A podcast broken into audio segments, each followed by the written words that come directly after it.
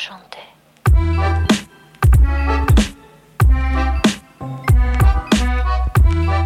Varmt välkomna ska ni vara till eh, Toto 5. Det är tisdag den 2 augusti och eh, det har gått ett par dagar sedan England vann EM på hemmaplan på Wembley inför nästan 90 000.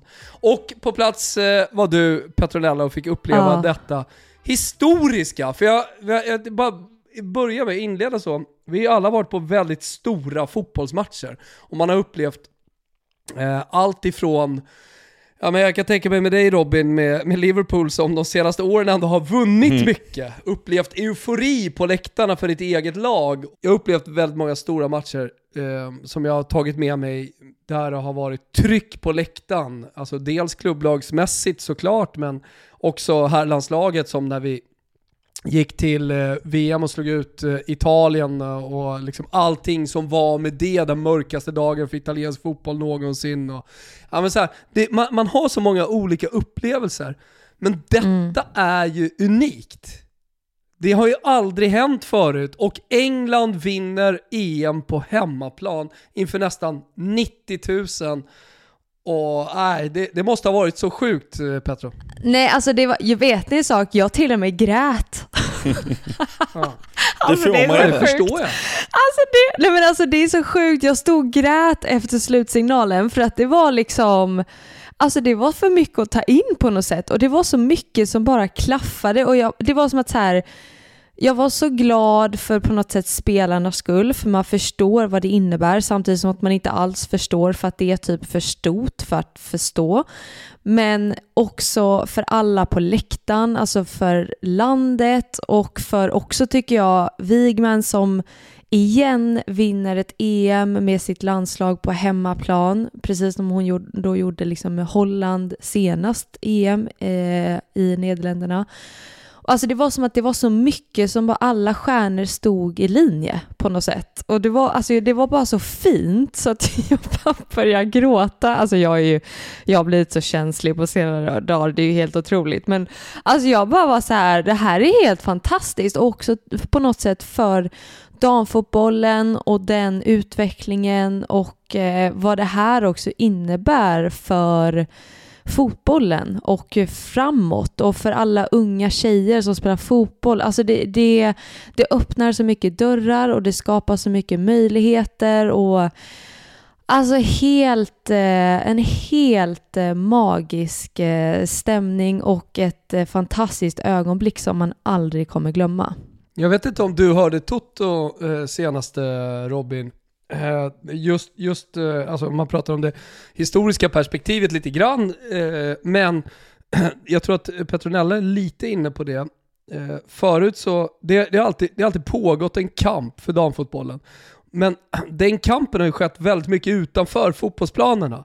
Det har, det har kunnat vara Nera Fischer på fotbollsgalan. Vi har cykelgate med, med Zlatan och liksom hela det efterspelet. Men, men också väldigt mycket kring ersättningar och att det ska bli mer jämlikt. Det är ju liksom en kamp som någonstans sker utanför fotbollsplanen. Och eh, många som har idoliserat till exempel Nera Fischer väldigt mycket för det hon har gjort för damfotbollen och den kampen hon har tagit, men många andra med henne också och den ska ju liksom fortsätta och sådär. Men här, inför eh, hela världen som publik och 90 000 på plats, så handlar det ju bara om fotbollen. Och ingen bryr sig om allt det där som Nej. sker utanför. Utan där Exakt. skapas legender och idoler ute på Wembleys gräs. Och eh, Petronella stod och grät, det var nog eh, miljoner eh, engelska fotbollssupportrar som grät också. Och har vi kommit dit nu att man gråter för upplevelsen, eh, att man eh, verkligen älskar eh, det som sker ute på planen. Jag menar, där, eh, alltså kan vi ta kampen dit så att säga, eller är det, är det där eh, damfotbollen vinner över eh, fler som eh, eh kollar och följer och så vidare?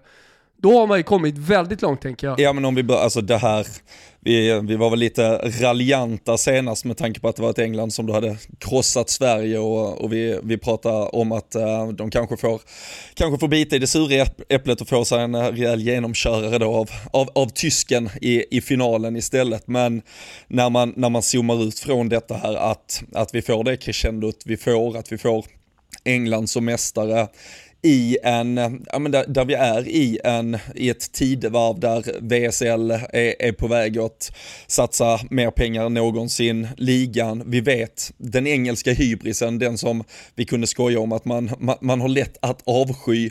Samtidigt så finns det nog ingen hybris i världen som kan vara bättre för, för damfotbollen än just den engelska hybrisen. För det här, alltså, e, alltså England är beredda att ta, och det som du säger, om vi bara tar, tar den delen, de här spelarna är kanske den första stora generationen fotbollsspelare som är idoler till både unga, jag, jag, tycker också det blir lite fel när man sitter och säger att ja, men miljontals unga flickor sitter och tittar på det, utan det som har varit häftigt när man har följt det här mästerskapet är ju att det är miljontals unga killar och flickor som har suttit och, och följt de här och fått de här idolerna och Alltså de är ju redan så otroligt skarpa de här engelska spelarna, dels, dels för att de är fantastiska fotbollsspelare men det är också, det är också sådana jävla profiler. Alltså vi, vi följer firandet från Trafalgar Square äh, igår och det var, vem var det, jag tror det var Jill Scott som äh, erkände, hon, hon hade ju inte sovit en sekund och då, då pratar vi ändå liksom om, om mamman i laget i stort sett och, och det var någon som ja. sa att Beth Mead hade tagit av sig solglasögonen en sekund, det var liksom fan, då behöver hon ju en pint till liksom, alltså hon ska ju alltid ha solglasögon. På med dem igen. Ja, alltså hon ska ju vara förstörd just nu. Och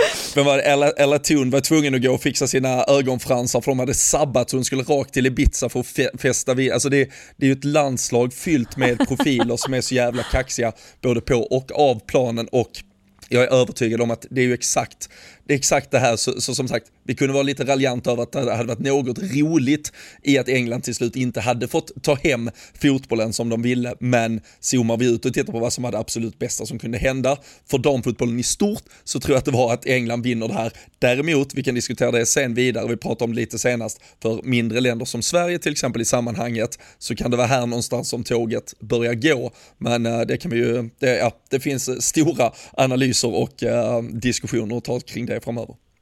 Nej, men, men det jag tycker är så häftigt också när man ser, alltså när slutsignalen går och när man också ser spelarnas reaktion och vad det, alltså man fattar ju pressen också som de har haft på sig kan jag bara tänka mig inför det här, men också känslan inför att man vet hur mycket som står på spel och man vet vad som faktiskt kan bli möjligt och liksom den anspänningen på något sätt under hela den här matchen och sen när man då vet i förlängning att okej, vi leder med 2-1 och sen så går slutsignalen. Alltså just det här, spelare bara bryter ihop ner på knä. Alltså det är som att, det är som att liksom allt bara, ja men allt faller på plats och man fattar ingenting fast man ändå är extremt lycklig och det, alltså det var så häftigt att se. Eh, och sen tycker jag också det här att att de här unga spelarna, lite som du pratade om Robin, men även de äldre, men liksom de här unga spelarna, den kaxigheten som finns, det kan ju ibland vara ett problem och jag vet att i några förbund så är det också ett problem att vissa unga spelare är lite för kaxiga liksom. Men i det här laget tycker jag ändå att det finns en kaxighet och en coolhet som man även kan leva upp till på plan, att man presterar. Och det tycker jag också är jävligt häftigt, att, att man vågar gå ut och säga att ja men it's coming home, vi ska gå för det och att man faktiskt även levererar hela vägen. Eh, det tycker jag är imponerande. Och det jag, det jag tycker är så jävla häftigt när man ser glädjescenen efteråt också är ju att Alltså såklart, du, du har vunnit ett EM-guld, jag, jag, förstår att alla, för, men, men du såg en sån genuin glädje i varenda öga på varenda spelare i den där stora 23-mannatruppen. Jag tycker Sarina Wigman, som du säger, hon har gjort det så jävla coolt. Hon fick ta ett par tuffa beslut inför turneringen. Steph Houghton till exempel, en spelare som alltid har varit en del av det här, eller så länge man kan minnas, stort sett varit en del av det här engelska landslaget. Nej, hon, hon säger att du är inte 100% redo, du måste stå åt sidan. Hon väljer sen en startelva, hon tror Frank Kirby ger hon tiden för att kunna vara redo, komma in i det. Sen ger hon den här startelvan förtroendet och jag, jag, jag utgår bara från, utan att ens kolla upp det, att det måste vara historiskt att samma startelva spelar varenda match från första omgång till slutomgången. Hon gör gör i stort sett exakt samma fem byten. Det är väl på när ett eller två byten extra hon gör, men annars är det samma spelare. Och alla spelare är så jävla bra. Alltså, du, alltså jag ska absolut inte göra fler och jag ska inte bli långrandig i, i Liverpool-liknelser, men jag ser ju mycket tendenser i ett Liverpool-lag där alla spelare har varit beredda att dö för en Jürgen Klopp, där, där du vet att även om du bara spelar var sjunde match uh. så är du fan beredd att gå in och göra 20 minuter den, den gången du får chansen att ge ditt allt. Och jag tycker det är så jävla häftigt här med en Ella Thun som kommer in, hon, hon kvitterar mot Spanien, hon, hon ger ledningen här i finalen. Då har Alessia Russo uh, längs vägen, då har en Lauren Hemp som vi håsade så mycket innan som kanske inte ens har gjort, hon är kanske en av den, de som har underpresterat lite sett till förhandspress eller vad vi trodde på förhand, men, men Wigman har varit så tydlig att men det här är min elva, jag tror på er, jag tror även på de här spelarna, ni har en roll i det här laget och alla har köpt in sig på det. Det, det kommer ju med det du, det du inleder med Petronas, alltså det kommer med ledarskapet och, och Englands Alltså det, det är ju det absolut bästa som kunde att man, att man ersatte Phil Neville med Sarina Wigman, det är ju att uh, gå från, uh, ja men det, det, det, är ett sånt extremt stort steg och det, det är ju det som såklart sätter tonen för att man har kunnat bygga det, men, uh, men också då med med som du säger, de här unga spelarna som tar det här ansvaret. Alltså vi har Lauren Hemp, Elatun, uh, eh, Russo, Chloe Kelly, det är en anfallslinje om de skulle gå på de fyra spelarna. Nu har vi fortfarande Bett Midar i allra högsta grad och Frank Kirby till exempel. Men det är 21, 22, 23, 24 år. Då har Stanway och Walsh på innermittfältet som är 23 och 25. Då har Williamson i backlinjen som är 25. Alltså det är en, då har Ellie Rubuk, uh, eh, andra målvakten som är 22. Alltså det här engelska landslaget, det har, det har sån jävla potential att vara så dominanta länge om de tar tillvara på det. Och det tyder allt på just nu. Så uh, nej, och jag, och jag tycker det är alltså, ljus för det här. Ja, och jag tycker det är häftigt bara ifall du tittar en sån som lagkapten Williamson, alltså 25 år gammal, som du säger, Kira Walsh, eh, också 25 år gammal och det här är ändå spelare som är en, liksom, en stomme i det här laget och som har väldigt, väldigt många år kvar fortfarande.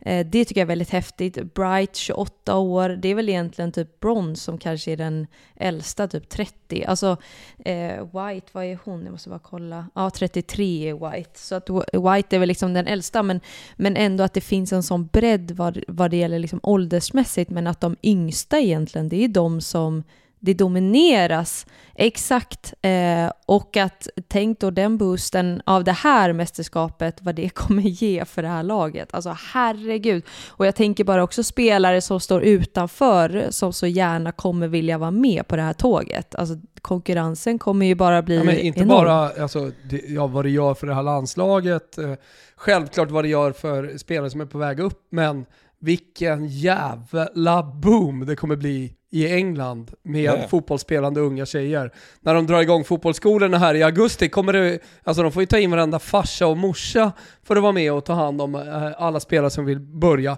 Och är det någonting forskningen har visat, är det någonting man vet är viktigt för att fostra bra, eller för, för, för att i slutändan få ett väldigt bra landslag, så är det att så många som möjligt börjar spela fotboll. Och eh, det tror jag kanske är den största effekten. Alltså, man pratar om liksom, den svenska tenniseffekten med Björn Borg, Wislander, eh, eh, Edberg och liksom den ligan. Och det, har, det har ju funnits i fotboll och det har funnits i hockey och så vidare. Och man har friidrott för all del med Carolina Klüft och liksom OS tidigt 2000-tal där när, när, när eh, väldigt många unga eh, tjejer och killar började, började med friidrott. Alltså, det kanske är det absolut viktigaste eh, som det här EM-guldet faktiskt gör. Ja, och där, jag, jag såg uh, Brighton gick ut med, de hade sålt, de hade redan sålt 246% bättre eller fler antal årskort till, till kommande säsong. Matchen, eh, det är ett eh, London-derby, Arsenal-Tottenham den 25 september tror jag det är. De hade sålt över 7000 biljetter bara mellan, från, sist, alltså från slutsignal fram till tisdag morgon här. Um, vi, jag, jag tror ni konstaterar väl eh, det senaste Thomas också, jag såg. Det var väl Niva som var första svensk på uh, tweeten i alla fall, nu, nu har den väl spridit sig rejält med att de här tre största matcherna publikmässigt i Europa den här säsongen är ju faktiskt då tre dammatcher med tanke på Barcelonas två Champions League-matcher och, uh, och den här och som du säger, boomen, boomen är ju en, ett faktum och, och bara för att avsluta på. Ja, men den är kortsiktig och långsiktig.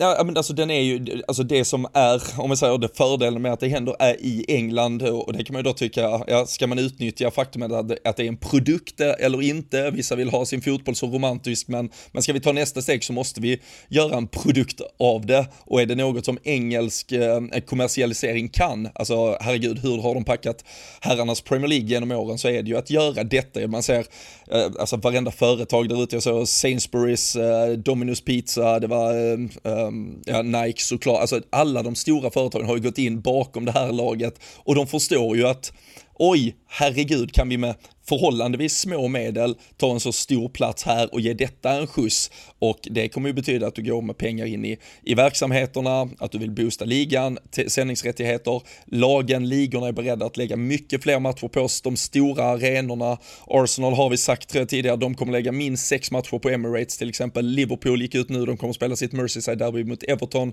på Anfield, det, alltså, den är, den är stenjäveln är satt i rullning och jävlar vad den kommer rulla i England. Det, Ja, men och att det rullar i England, det gör ju att de andra stora fotbollsländerna och de stora klubbarna, de som har varit störst i Europa, de vill inte halka efter det här nu. Alltså de, de vill ju vara med på det här man ska säga, nya tåget liksom, eller nya vågen eh, som nu svämmar över, så vill de fortsätta. Fan, vi har varit med här i Lyon, fan, vi har varit med i 20 år och byggt damfotbollen och vi har flickakademi som är skitbra alltihopa. De vill inte tappa här nu. De vill ju fortsätta gå till Champions League-finaler och så vidare. Så att det sätter ju också en press på övriga Europa att fortsätta att satsa. Eh, för att komma dit. Vilket sätter återigen då eh, eh Manuel eh, i AIKs klubbchefsord oh, i visst alltså. perspektiv. Oh, kan man ju tycka. Alltså man ska, blir... vi, ska vi prata lite AIK? Ja, men jag, jag vill bara... Nej, jag bara, det, bara, det bara slog mig som en blixt liksom när jag ja, pratade om... Kanske borde, borde AIK kika på... Ja, vi kommer, vi kommer nog ha... Ja, men, eh, kanske borde AIK på kika på ett byte, alltså eh, angående Neville då. Eh, som, som, som lämnade det engelska damlandslaget och så fick vi en succé, kanske borde AIK kika på. Lilla bytet där från, eh, från Nebojsa Novakovic till, till någon som faktiskt eh, kan, kan göra nej, nej men det jag också tänker framförallt är att eh, jag, blir, jag blir ju som också har spelat fotboll själv och eh, är kvinna har ju alltid fått höra så jävla mycket, eller inte jag personligen, men man får ju höra och se många kommentarer på olika liksom, sociala medier och annat håll att just så här, ingen kollar på damfotboll, ingen bryr sig, så jävla ointressant, stäng ner skiten, bla bla bla. Men det går ju Nej, inte att säga längre. Nej, det går inte att säga längre. Alltså håll käften era jävla idioter, förlåt. Men alltså nu är det så här, ni kan inte sitta och säga det något mer. Alltså när det är över 20 miljoner som tittar på den här matchen runt om i hela världen, alltså det är det säger sitt. Och, alltså 20, och säga... miljoner, 20 miljoner, det ska sägas, 20 miljoner var det nästan i bara England Petronello, så vi ska verkligen få siffrorna kvar. Alltså det, var, det var ändå så, det var, det var, det var, jag tror det var 17,9 peak-tid i England, så vi, vi, pratar, vi pratar eh, uppåt hundratals miljoner kan jag, kan jag lova dig, för det var väl eh, två i Sverige bara och Tyskland med flera, så, men ja, eh, många har tittat. Ja, och, och där kan jag känna att så här, det säger ju allt. Alltså sitta och säga då att man inte kan tjäna pengar på damfotbollen, att det inte är lönsamt, det är ingen som tittar. Nej, alltså det stämmer ju inte, det är ju bara bullshit. Så att eh, det här är ju också så häftigt, det är svar på tal på något sätt att intresset finns och det bara växer mer och mer och större och större hela tiden. Eh, så att jag tror att det kommer hända mycket framöver. Förutom i AIK då.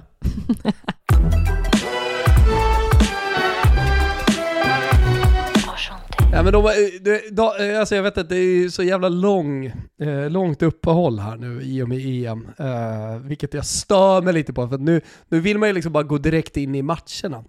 Och eh, istället så är det ett par veckor kvar innan eh, damallsvenskan gör comeback igen. Eh, och det, det, tycker jag är lite tråkigt. Men de har ju eh, börjat spela lite träningsmatcher. Och eh, AIK fick väl stryk med 6-0 va? Mot ja. ja, och de har tappat, eh, lagkaptenen har gått, eh, Danielsson har gått. Och jag som aik alltså man kan ju tycka att jag liksom driver lite med det här och sådär. Men, men jag är ju ja, är förbannad. Klart. Jag vill ju att de ska gå i bräschen. Jag vill ju jag vill att det ska mm. bli bra. Nej, det är klart. Så att, eh, egentligen så är det väl någon slags sarkasm eh, som jag håller på med. Ja men det är väl lite försvarsmekanik. jag, jag, jag förstår ju det helt och hållet. Och, och det var lite, blev lite komiskt när de uttalade, det var väl Manuel också som uttalade sig om att ja, men damverksamheten måste kunna stå på egna ben och den måste visa vad den går för, typ för att den ska vara lite självförsörjande. Och sen, sen tittar man in i spelschemat så ser man att uh, deras fyra kommande matcher krockar med att herrlaget spelar samtidigt. Och det är väl, alltså det, det, ja, men det, det gör ju en uh, lite, alltså så här, jag, jag, nu, vi ska inte fastna och vara raljanta kring, kring AIK, men uh, de, de har ju fått klä skott för... Men ibland så kan ja, men, en blixt slå när man sitter och poddar också. Liksom. Ja, och då, då, får man stanna lite där. Ja, och framförallt när samma jävla blixt slår ner på samma ställe så många ja. gånger tyvärr. Och det har ju varit så i AIK, alltså när, när hela när hela fotbollsvärlden i övrigt har tagit emot den här, om vi ska kalla det, att det ändå blåser lite förändringens vindar, åtminstone att de blåser starkare åt, åt ett håll som är jävligt positivt, så har ju, så har AIK liksom i, så, så jävla tondött i, i samma jävla orkanvind som har blåst fram så har de valt att, att ta upp något, eh, något annat jävla paraply här istället. Så ja, nej, det, det har varit märkligt, men uh, vi, uh, vi, vi, vi lär väl få återkomma till AIK när vi ska prata mer damallsvenska kommer... längre fram. Det finns nog mycket mer att säga om ja. EM innan vi stänger den uh, lådan helt och hållet. Absolut. Men och sen det vi behöver ändå säga är ju shoutout till Heineken 00 och eh, resan vi också fick vara med om. Alltså det är helt fantastiskt, skitkul att träffa vinnarna återigen. Eh, vi hade skitkul. Ett jättebra gäng. Och det tycker jag verkligen vi kan vara ärliga och säga stort tack till Heineken Alkoholfri som har varit med i den här podcasten sedan vi startade. Trots att vi inledde med inte speciellt många lyssnare. Sen har vi växt tillsammans under den här resan. Och Robin, du pratar ju om det. Eh, med, med eh, stora företag eh, som nu, alltså jag menar, de går inte in i, de går inte in i en idrott de inte tror på så att säga. Som, inte, som de inte tror att de kan gynnas av i slutändan. Eh, och eh, Heineken Alkoholfri är en av huvudsponsorerna till EM eh, och det, det, det, finns ju liksom ett tack att, att rikta till, ja inte bara Heineken Alkoholfri men andra som, som faktiskt tror på damfotbollen och se till så att det finns resurs, resurser för att utveckla den ytterligare också, eller hur?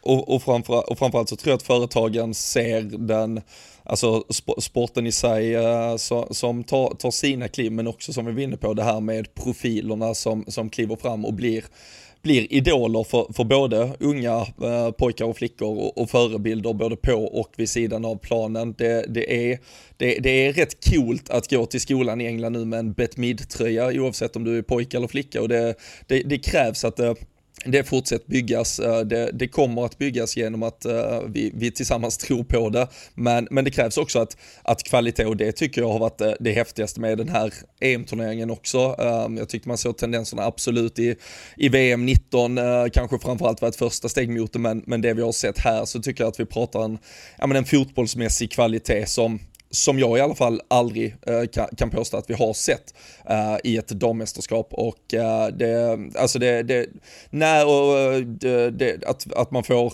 alltså England, Tyskland i final, jag tycker det är turneringens två bästa lag som, som möts till slut. Ja, vi med. har i alla fall en 6, 7, 8 matcher längs vägen här som är, som är riktiga jävla, alltså England-Spanien sticker ut för min del som jag tycker är kanske turneringens bästa, men jag tycker det håller sån otroligt jävla hög kvalitet.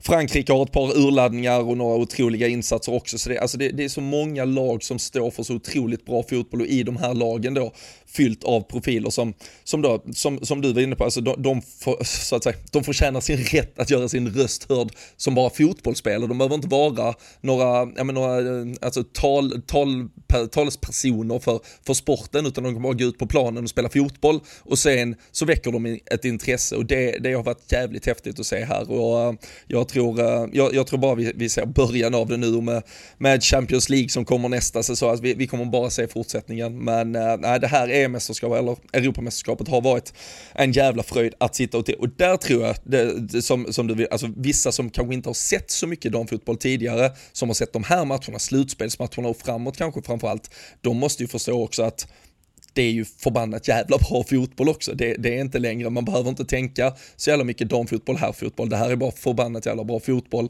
och riktigt jävla bra fotbollsspelare. Så eh, det, det har vi ju slått ner spikar kring uh, under det här mästerskapet. Men Petronella, tror du inte att vi kommer få se det nu? Eh, för jag menar, nu, nu står ju liksom eh, säsongen eh, och väntar på att börja ute i Europa också. nu ska det vara lite ledigt och sen så ska det dra igång.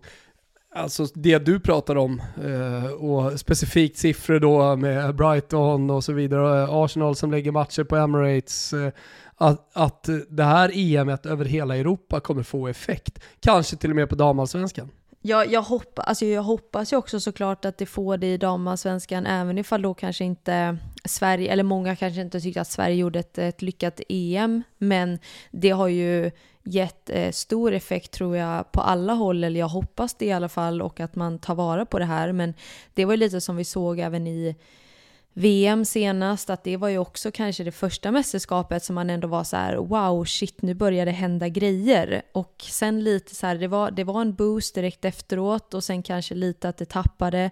Eh, men att nu händer det verkligen någonting ännu större det här mästerskapet och nu känns det som att så här, man kan liksom inte det här går inte att glömma. Alltså de här ögonblicken och eh, det här momentumet går inte att glömma utan snarare sagt hoppas jag att man verkligen tar vara på det. Nej men jag, jag, tror, att, jag tror att nyckelordet där är momentum, eller hur?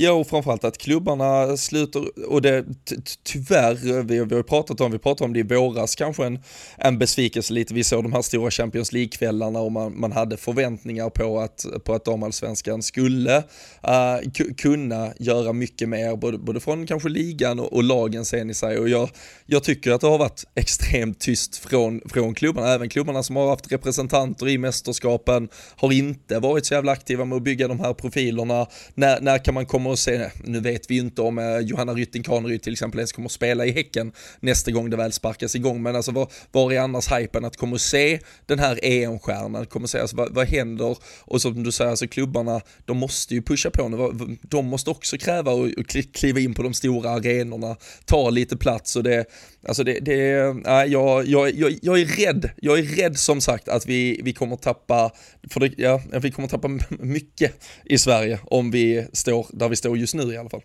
Ja, och det på tal om att så här, klubbar är aktiva och sånt, det såg man ju däremot utomlands.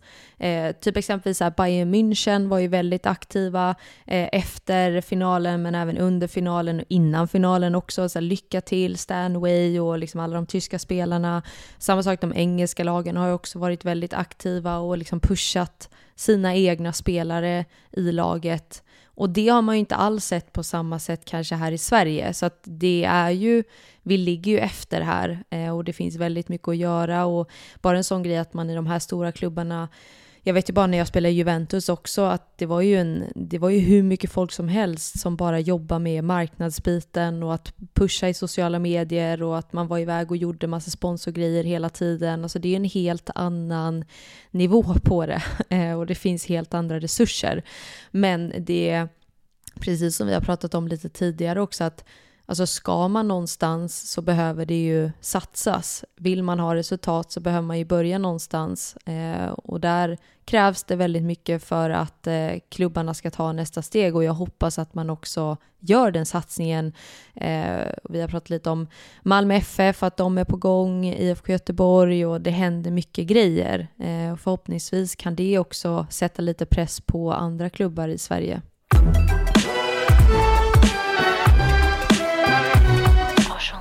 Kort bara tillbaka till eh, den här finalen och eh, ja, men det som hände började på uppvärmningen med eh, Tysklands ja, bästa spelare, i alla fall den som har stuckit ut mest under, under EM, som tvingade, tvingades kasta in handduken. Och det här är så sjukt också för att vet, väl på plats, alltså det var ju så dålig täckning på arenan. så att så här, det enda du när matchen går igång, vi, man bara vad fan är pop? Och så, så, så filmade de ju henne på storbildsskärmen och zoomade in och att hon satt på bänken. Och då blev jag bara så här, men gud startade inte hon? Jag fattar ingenting. Och sen var det först i typ halvtid som jag såg att ni hade skickat att hon hade fått gå av då eh, på uppvärmningen, för det, jag hade liksom inte nåtts av den informationen. Um, och det var ju, nej fy fan, jag led med henne enormt mycket och eh, snacka om en spelare som Ja, men vi pratade om det tidigare, att hon eh, var ju korsbandsskadad, kom tillbaka nu eh, under våren, eh, har kommit in i det mer och mer, kanske inte gjort någon så här jättesäsong fram tills EM och inte spelat jättemycket och blev utbytt i Champions League och sådär. Men ändå kommer in i det här mästerskapet och toklevererar och presterar på absoluta topp och verkligen tar Tyskland framåt till den här finalen. Och sen så går sönder på uppvärmningen inför kanske sin livs största match. Eh, nej, det är mm, riktigt, riktigt tråkigt för hennes skull. Ja men det, alltså det, ska ju, det, det, ska ju egentligen inte, inte få hända och, ehm, och där, där kände man väl, alltså det, det har ju varit, vi, kan, eh, vi behöver inte bli långrandiga kring det men det finns ju diskussioner kring domslut eh, senare i matchen. Det, det har ju också känts, alltså det här engelska landslaget, vi, vi har hyllat det och det ska hyllas men, men det känns ju också som att väldigt mycket har studsat deras väg både, både på och av eh, planen det här mästerskapet. Och, äh, Fick ni se repriser eller? På, vad tänker du? På straffsituationen? Nej, på Hansen? Ja, äh, men det, den är, det, det ska vara straff. Tycker jag i alla fall. Ja det är det. Ja. Alltså den är, ja. den, är li, den är lite för långt ute och lite onaturligt och den kommer och träffar ganska tydligt.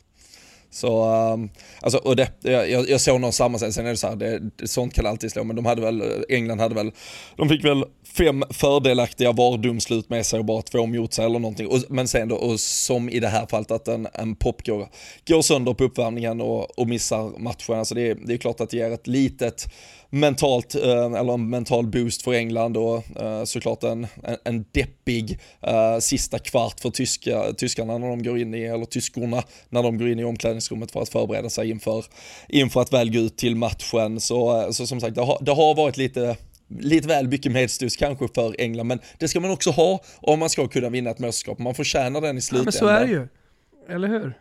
Nej och sen, eh, sen är det bara att säga som, som du vill, att, att, det, att det är pop med, med hennes historik och allt det hon har gjort och det var ju, nu blir det ju Lea Schüller som spelar istället och det var kanske tanken redan från början. Hon fick ju covid, det var väl efter första omgången hon fick covid och var borta och så har man tvingats till lite förändringar men, men det här tyska laget har ju har ju också liksom, det, det har satt sig, lite, alltså det har ju kommit fly, flygande ut men det var kanske ett lag man inte riktigt kunde sätta ihop just om vi tänker startelva och prata den här eh, engelska stabiliteten, så tydligheten, men, men spelare som, som man kanske inte riktigt var, var helt hundra på vem kommer ta ansvaret i det här laget. Pop blev ju en av de spelarna som verkligen gjorde det, så det blev ju ett extremt tapp, eh, tapp för dem. Sen, eh, sen så tycker jag ju att oavsett Pop eller inte, och, och England kan ju absolut ses som värdiga vinnare i det, men på samma sätt som vi diskuterat att det var en, en final mellan de två bästa lagen så är det ju en final också mellan två lag som är helt, helt jämna. Jag tror, tittar man på all form av statistik så var det väl, det var väl typ 50-50 i bollinnehav, det var väl eh, 8-8 i skott på mål och så vidare. Och det,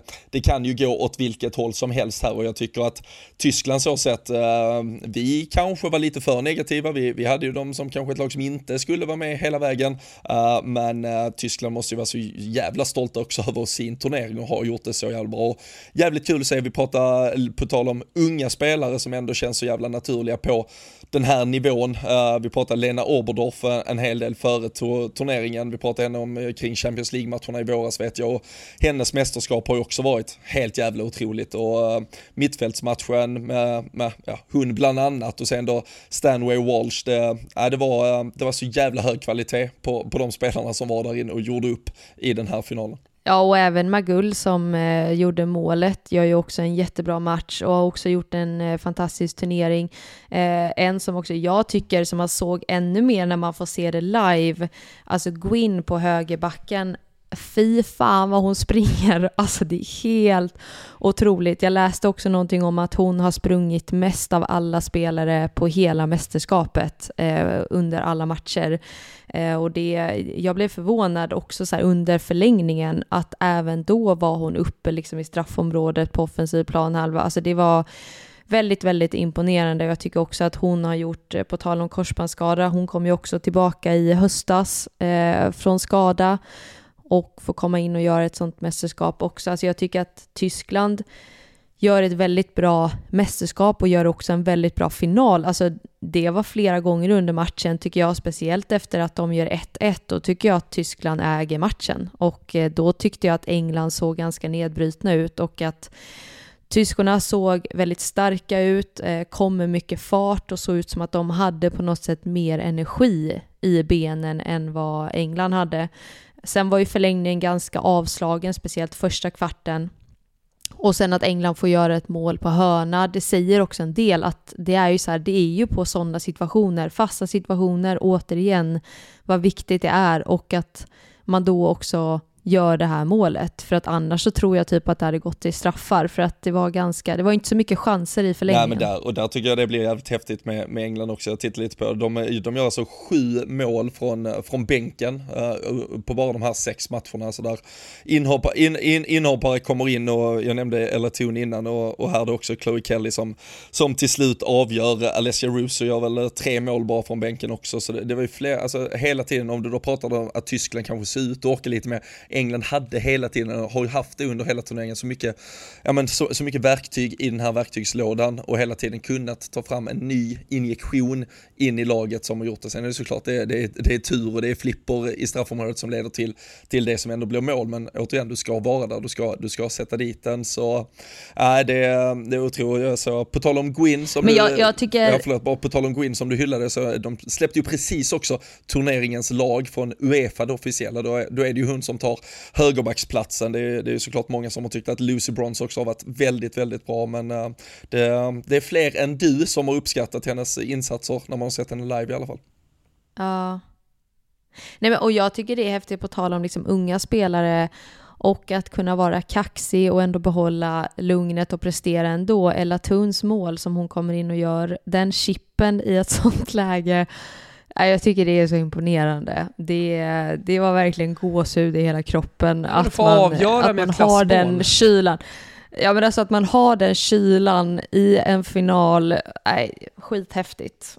Um, så att, nej, väldigt, väldigt, väldigt kul och eh, imponerande att se dem, att få se det här live och att få se spelarna live, för det är ju en grej att sitta och titta på TV, det är också, man ser ju kvaliteten, men att få se det live. Alltså jag tycker så här, är du inne i mitt fältare och eh, vill ha någon att titta på, kolla på Kira Walsh, hennes teknik. Eh, så det är helt sjukt. Beth Mead blev ju, det, det är svårt att prata bort någon som gör, har den poängproduktionen som hon gör, så hon blev ju utsedd till mm. hela turneringens bästa spelare. Men nog fan kan man argumentera för att Kira Walsh egentligen kanske var nyckeln och den bästa i det där engelska laget. Och därmed också hela ja. turneringens bästa spelare. Ja. Om vi summerar mästerskapet då, eh, bara sådär lite kort eh, innan vi avslutar. Ehm, stora utropstecken, eh, det är ju lätt så här direkt efter med England. Jag tycker Tyskland gör det otroligt bra också, det har vi pratat om under, under hela EM. Ett, ett, ett lag som inte pratade så mycket om på förhand. Det var mycket Spanien, det var en hel del Sverige ska sägas också. England såklart, men Frankrike var där. Tyskland glömde man bort lite och det var ju totalt felaktigt. Alltså tysk fotboll visar ju fortsatt eh, att eh, de, eh, de, eh, ja men nu är de ju framme i semifinalen med klubblag och alltså fortsätter att göra jävligt mycket bra och fortsätter att vara i toppen av, av damfotbollen, eller hur? Ja, men, men jag tror också här, anledningen till att, jag tror att anledningen till att jag själv personligen inte har tänkt på Tyskland lika mycket inför det här mästerskapet. Jag tror det är för att dels så mycket som England, alltså för vi också som har följt de här ligorna under året och man ser vilken kvalitet det finns. Alltså England visste jag redan, eller det har ju pratat vi väldigt mycket om innan, att så här, de kommer bli farliga för de spelarna i det laget och den formen de har haft under säsongen, det kommer bli riktigt, riktigt bra. Och även Spanien, Barcelona och liksom den frammarschen de har haft och hur de har presterat under året och den ligan, men även franska ligan, Lyon, PSG. Alltså det, det, det är som att så här, de ligorna har ju varit lite utropstecket och då tror jag att det, det automatiskt har blivit lite att det är de länderna också som man tänker så här, shit det här kommer bli farligt.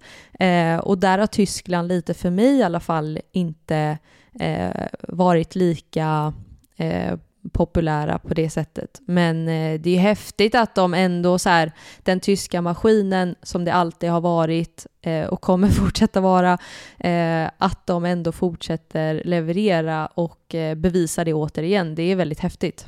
Och ser man till, jag tycker, ser man till Bayern och, och Wolfsburg så tycker jag, har vi ju sett i Champions League att alltså på klubblagsnivån så håller de ju fortfarande den höga, för min del var det nog på landslagsmässigt att uh, satt man och tittade igenom lite alltså de senaste landskamperna så hade det varit mycket laborerande med att försöka hitta, sätta ett lag. Vi hade den där plumpen med, det var väl 3-2 förlusten mot Serbien i våras till exempel. Det, det hade varit ett par sådana insatser där man kände att ah, de har kanske inte riktigt fått ihop det då, då i den konkurrensen. Men, uh, men här visar man att när man väl få ihop det, alltså så här, utbudet av fotbollstalang, det finns det så det räcker och blir över. Så, så varje gång man väl får ihop det från tysk sida så, så kommer man ju vara med och slåss om det. Det, det är ju inget man behöver vara, vara osäker på uh, framöver. Men, uh, men annars är väl, förlåt, förlåt men annars om vi pratar lite utropstecken och, och, och diskussioner, eller det som som, som man tar med sig, om vi bara ska starta med någon sak ur det negativa så, så blir det ju samtidigt skadorna, de här förbannade jävla skadorna med tanke på Putellas inför mästerskapet, om vi pratar Spanien som är en utmanare, vi har Katoto som går sönder för Frankrike under mästerskapet, vi har då Pop som Men Putellas måste... hade ju kunnat vara tungan på vågen i den matchen mot England som var så tight. Och det hade Katoto kunnat vara för Frankrike mot Tyskland i en semifinal till exempel. Alltså, så det, vi, vi pratar om de absolut, alltså sp pratar spelare som är bland de absolut bästa i världen som faller ifrån precis innan de stora avgörandena. Och det, vi kan ju bara addera det till, till den här då eh, högen av små, små ändå äh, ja, äh, fördelar som England då har dragits, eller de har i alla fall undvikit nackdelen av det. Så, så stjärnorna har ju jävlar i det stått rätt för att det skulle bli den där kvällen på Wembley. Men äh, vi, vi, jag, jag, tror nu att vi pratar ändå om de här lagen, spelarna, länderna som, som är de som kommer dominera framöver. I alla fall från Europa så får vi väl se om USA till exempel vill vara med på riktigt, eller ett Brasilien, vi får ju gratulera Pia Sundhage som vann Copa America med Brasilien också, så det blir ju den där, vad heter den på, du vet ju, den ska ju heta samma som på herrsidan här, ja, sydamerikanska mästarna mot Europamästarna ska ju spelas på Wembley nästa sommar. Den spelar ju Italien, eller vad var det? Jo, Italien mot Argentina spelar väl den på här sidan för några veckor sedan. Ja, alltså vad fan, eh, vad, vad, döpte, vad, vad döpte de matchen till? Något på säga. Men alltså, något spelats före. Ja, exakt. Eh, det var något väldigt slagkraftigt enkelt i alla fall. Skitsamma det, det, det, det är precis framför näsan på mig. Ja, skitsamma annars, du får, du får se om du hittar det. Men så äh, det blir en, en stor match Och sen gick ju England idag också ut med att äh, de ska möta världsmästarna USA i en, äh, i en stor match i oktober också på Wembley igen. Så nu ska man locka ja. stor publik mm. ännu en gång i höst häftigt. också. Så det lär väl vara lapp på luckan. Jag vet vad man ska göra nu Robin? Bygga på momentumet. Exakt, man ska bygga på momentumet och man, man ska dra in kulor på det här momentumet. Men det är helt rätt! Ja, Fortsätt. ja, ja, ja. Ja, Finalissima! Så är det. Förlåt, det bara slog mig nu. Finalissima, exakt. Jättefinal. Heter matchen det? ja. Ja, finalissima. Aha. Finalisma. Ja, det är liksom final och sen så har du finalissima. Lilla suffixet som, eh, som gör att man eh, förstår att det, det, det, är på riktigt det här och ingen brydde sig överhuvudtaget. Nej men, nej men på tal om eh, skador också, det är skittråkigt att prata om, men det som blir intressant nu framöver också är just det här att det är ju en ökad belastning. Jag vet att det var redan snack om det innan mästerskapet, att spelare går direkt från sina ligor, ska samlas direkt med landslaget. England som nu då vinner hade ju väldigt långt förläger och spelade ju mest matcher av alla. Eh, och att det snackades mycket om att det sliter på spelare och att vi nu också får se då att många går sönder eh, och får åka hem och sådär. Och det, det är ju en stor fråga tror jag eh, som man kommer behöva ta tag i framöver. Att just så här, hur hanterar vi det här och att på tal om resurser så kommer det ju behövas resurser för att också kunna liksom kräva det här av spelarna. Det, det blir en högre belastning, det blir mer matcher, det blir tuffare matcher, högre tempo, allt vad det innebär. Och då behöver man också anpassa liksom spelarna efter det så att eh, det krävs ju väldigt mycket. Men Robin, eh, utöver då liksom Tyskland, eh, eller Robin, Petronella också såklart också, men, men du var inne på eh, någonting negativt eh, med skadorna. Ett lag som jag i alla fall inte tyckte riktigt levde upp i Holland under det här mästerskapet.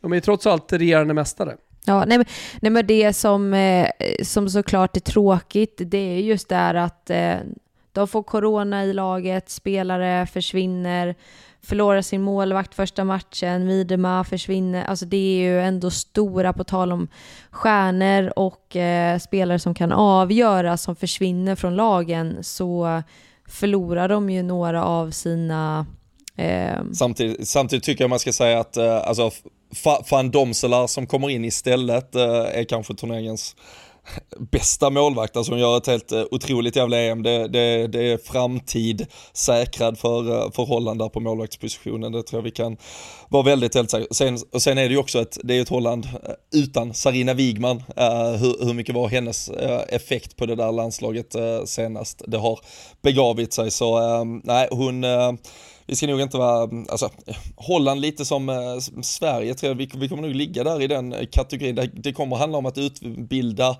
Uh, talanger uh, jävligt noggrant på ungdomssidan, få ut dem, tror jag, i uh, de stora ligorna. Det kommer inte vara i den inhemska ligan du kan få den tillräckliga fotbollsutbildningen för att sen vara med och skapa ett, ett landslag som är med och slåss på den yttersta scenen. Och det, Eh, det är, ja, eh, Holland också, de eh, måste också hänga med om, om inte tåget ska gå med de stora jättarna där som sagt. Så jag, jag håller med dig, det, det är klart att man hade kanske förväntat sig, lite, men det var ju målskillnadsbataljen mot Sverige och den som kom tvåa skulle alltid få Frankrike och då, då blev det så svårt som det blev och det visade sig att det, det var lite för svårt helt enkelt. Om vi summerar hela EM då, som Eh, om man ser totalt sett så är det 5 plus va? Ja men verkligen. Alltså, alltså herregud Publikfesterna. Ja. Och med den äh, avslutningen. Alltså, profilerna. Det kan ju inte bli bättre. Och jag pratade faktiskt, jag pratade lite med min eh, mamma nu eh, idag på tal om just här matchen. De var ju också där, fotbollsförbundet, och det snackas ju nu om vem som ska ta EM 2025. Eh, man hoppas ju såklart på att det ska hamna i Sverige och då är det ju också snack om, eh, eller det kommer vara Norden egentligen. Eh, så att Norge, vilka är det? Norge, Finland, Danmark, Island tror jag även skulle vara med på det. och det är klart att så här, det hade varit skithäftigt att få ha ett EM på hemmaplan, men det är ju så här, det finns ju inget, det är ingen som kommer slå det här. Alltså det är ingen som kommer slå final på Wembley i England. Alltså men så det... där är det ju lite med EM även på här sidan du vet, när, ja, men det, det, ska ju runt, eh, det kan inte bara läggas men man, i, i de stora eh, fotbollsnationerna. Men man vet ju, när de hamnar i Frankrike, Tyskland, England, Italien, ja då är det något annat. Det, det är de, egentligen så borde de bara, Spanien, men alltså egentligen borde de bara prenumerera på, på Europamästerskapen. Både på herr och dam. Låt det snurra på dem. Det som faktiskt är lite roligt, på tal, eller roligt vet jag men på tal om just det här med kommande mästerskap. Nu är det ju så att nästa VM som spelas redan nästa sommar, eh, med tanke på att detta var ju ett uppskjutet EM, ska ju spelas i Australien då, eh, och Nya Zeeland, det har vi diskuterat här för. Uh, tidsskillnad på, jag tror, vad har vi från uh, Centraleuropa? 10 timmar typ till Australien, ligger, kommer att ligga jävligt skevt ja. tv-mässigt och redan direkt efter finalen så höjdes det faktiskt röster kring, ska vi verkligen sabba, på tal om momentumet, och skicka mästerskapet till mm. Australien? Vi kör För, England! Ja men alltså, den, alltså vi ska alltså faktiskt, ja, men alltså under, under tiden det har varit EM som sagt, det har varit ett Copa America i Sydamerika, också mycket publik på de läktarna ska man veta. Det har varit ett afrikanskt mästerskap som, jag tror det var väl Marocko som gick och vann det till slut, det var 45 000 på läktarna i finalen, alltså vi har, vi har kontinenter där just nu damfotbollen bara flyger, och sen såklart ska det ju också till Australien och den delen av världen för att se till att vi får den boosten där. Men som vi pratade om innan, de kommersiella partnersen, de som vill dra in pengar på detta, de som vill sälja tv-rättigheterna, de är inte så jävla peppade på att ta det här momentumet och skicka det tio tidszoner bort, utan äh, ja, där nej, men, nej. Men, och sen är det ju så, men sen är det så, sen är det så tråkigt också att det är snack om då så här ja men ska det hamna i Polen? Eller ska det hamna i liksom Schweiz? Alltså det känns ju från att då ha varit i England nu och ha en final på Wembley, rekord och England vinner hemma och sen så ska man till Polen. Alltså ja fast du, kuska så... runt i Polen och följa Sverige, skit. det hade varit otroligt jävla fett.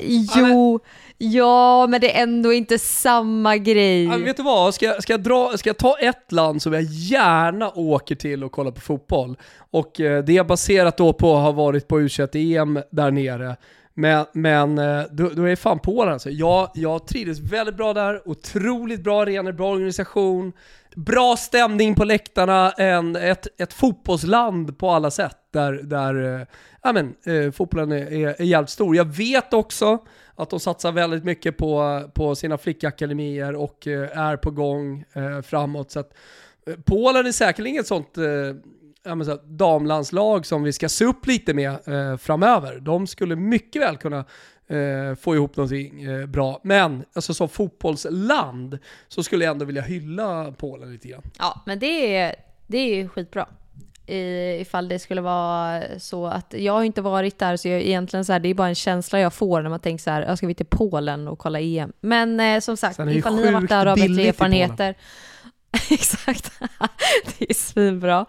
Men eh, också hade det varit häftigt såklart att göra en, eh, om det hade varit hamnat i Norden och eh, ja, man får, då ska ju allt funka med att man får åka emellan och ja, det är mycket som ska till. Men vi får se. Tänk, tänk, tänk fiaskot när vi får hit det 2025, men eftersom vi delar på det så är det bara två direktkvalificerade nationer så fuckar vi upp kvalet istället. Och så missar vi att gå till hemma-EM 2025 istället.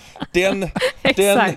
Jävla antiklimax. fan. Ja, för fan. Nej, nej, vi ska inte, det är ingen domedag, men eh, just eh, så här två, två dagar efter man eh, har sett vad som hände på Wembley så känner man att vi, eh, vi, har, vi ett par pinnhål som vi ska klättra för att vara med i den absoluta toppen i alla fall framöver. Vet du, vad jag ser, jag ser fram emot att ligorna startar ute i Europa. Har vi några datum där eller?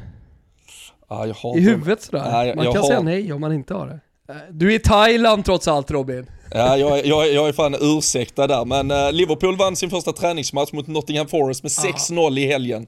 De gjorde som Eskilstuna gjorde på ett AIK, så... eh, Ja, men det ja, får du ja. ta med dig. Ja, ja, och fan galna jävla van den Sanden är på plats också och Emma Koivisto i backlinjen, så det är ett... eh, Ja, ja, ja. men, det, Oj, oj, oj. ja, men det är ett svagt bud. Det är fan, det, jag vill ha in ett par spelare till om det ska vara... Om vi, om vi ska gå för någonting annat än att bara hålla oss kvar under säsongen.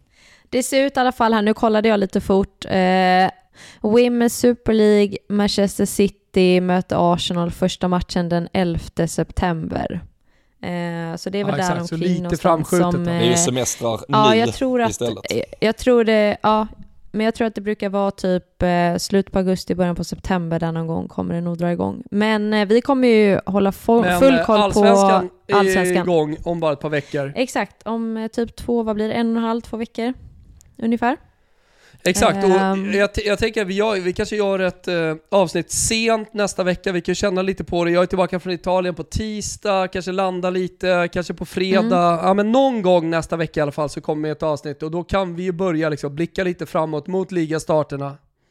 Exakt. Skitbra, gå igenom lite vad som har hänt i lagen under sommaren, för det har ju faktiskt hänt en hel del. Eh, och sen Exakt. eh, ta lite kollen inför uppstarten som börjar nästa helg. Det blir helt perfekt.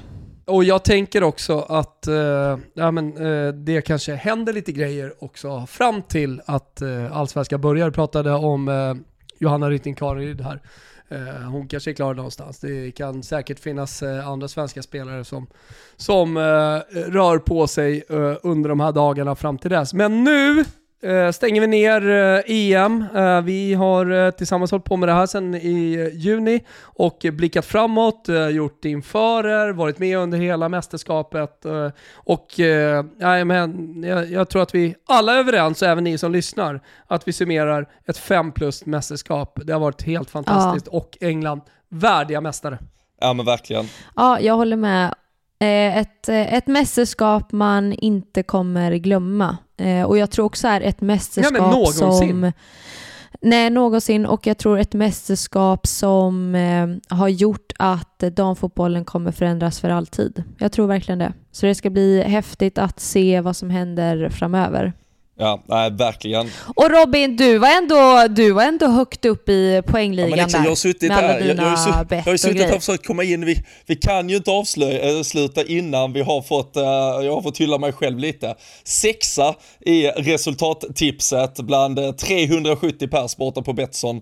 Så, uh, Applåd, Ja, jag- applåd, applåd. Satte ju finalresultatet 1-1 och hade ett par andra där på slutet. Det, det var tyvärr, jag föll fan på målsnöret att jag trodde på Sverige, att jag hjärttippade på Ja. Sverige i semifinalen.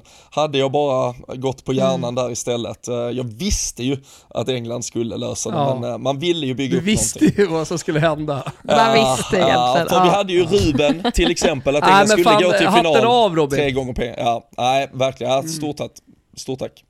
Ja, men hatten av, hatten av en sjätte plats eh, bland alla dem. Eh, Du, du höll Toto 5-fanan högt eh, genom hela resultattipset i mästerskapet här. Otroligt bra jobbat. Ja men verkligen, jag hoppas vi kan hitta någon form av att komma tillbaka till dig, uh, ja men kanske i höst eller framåt i, om det är Champions League-variant eller Ja. någon liga-variant eller någonting. Så det får vi Ja, det är jobba fram. skitkul. Ja.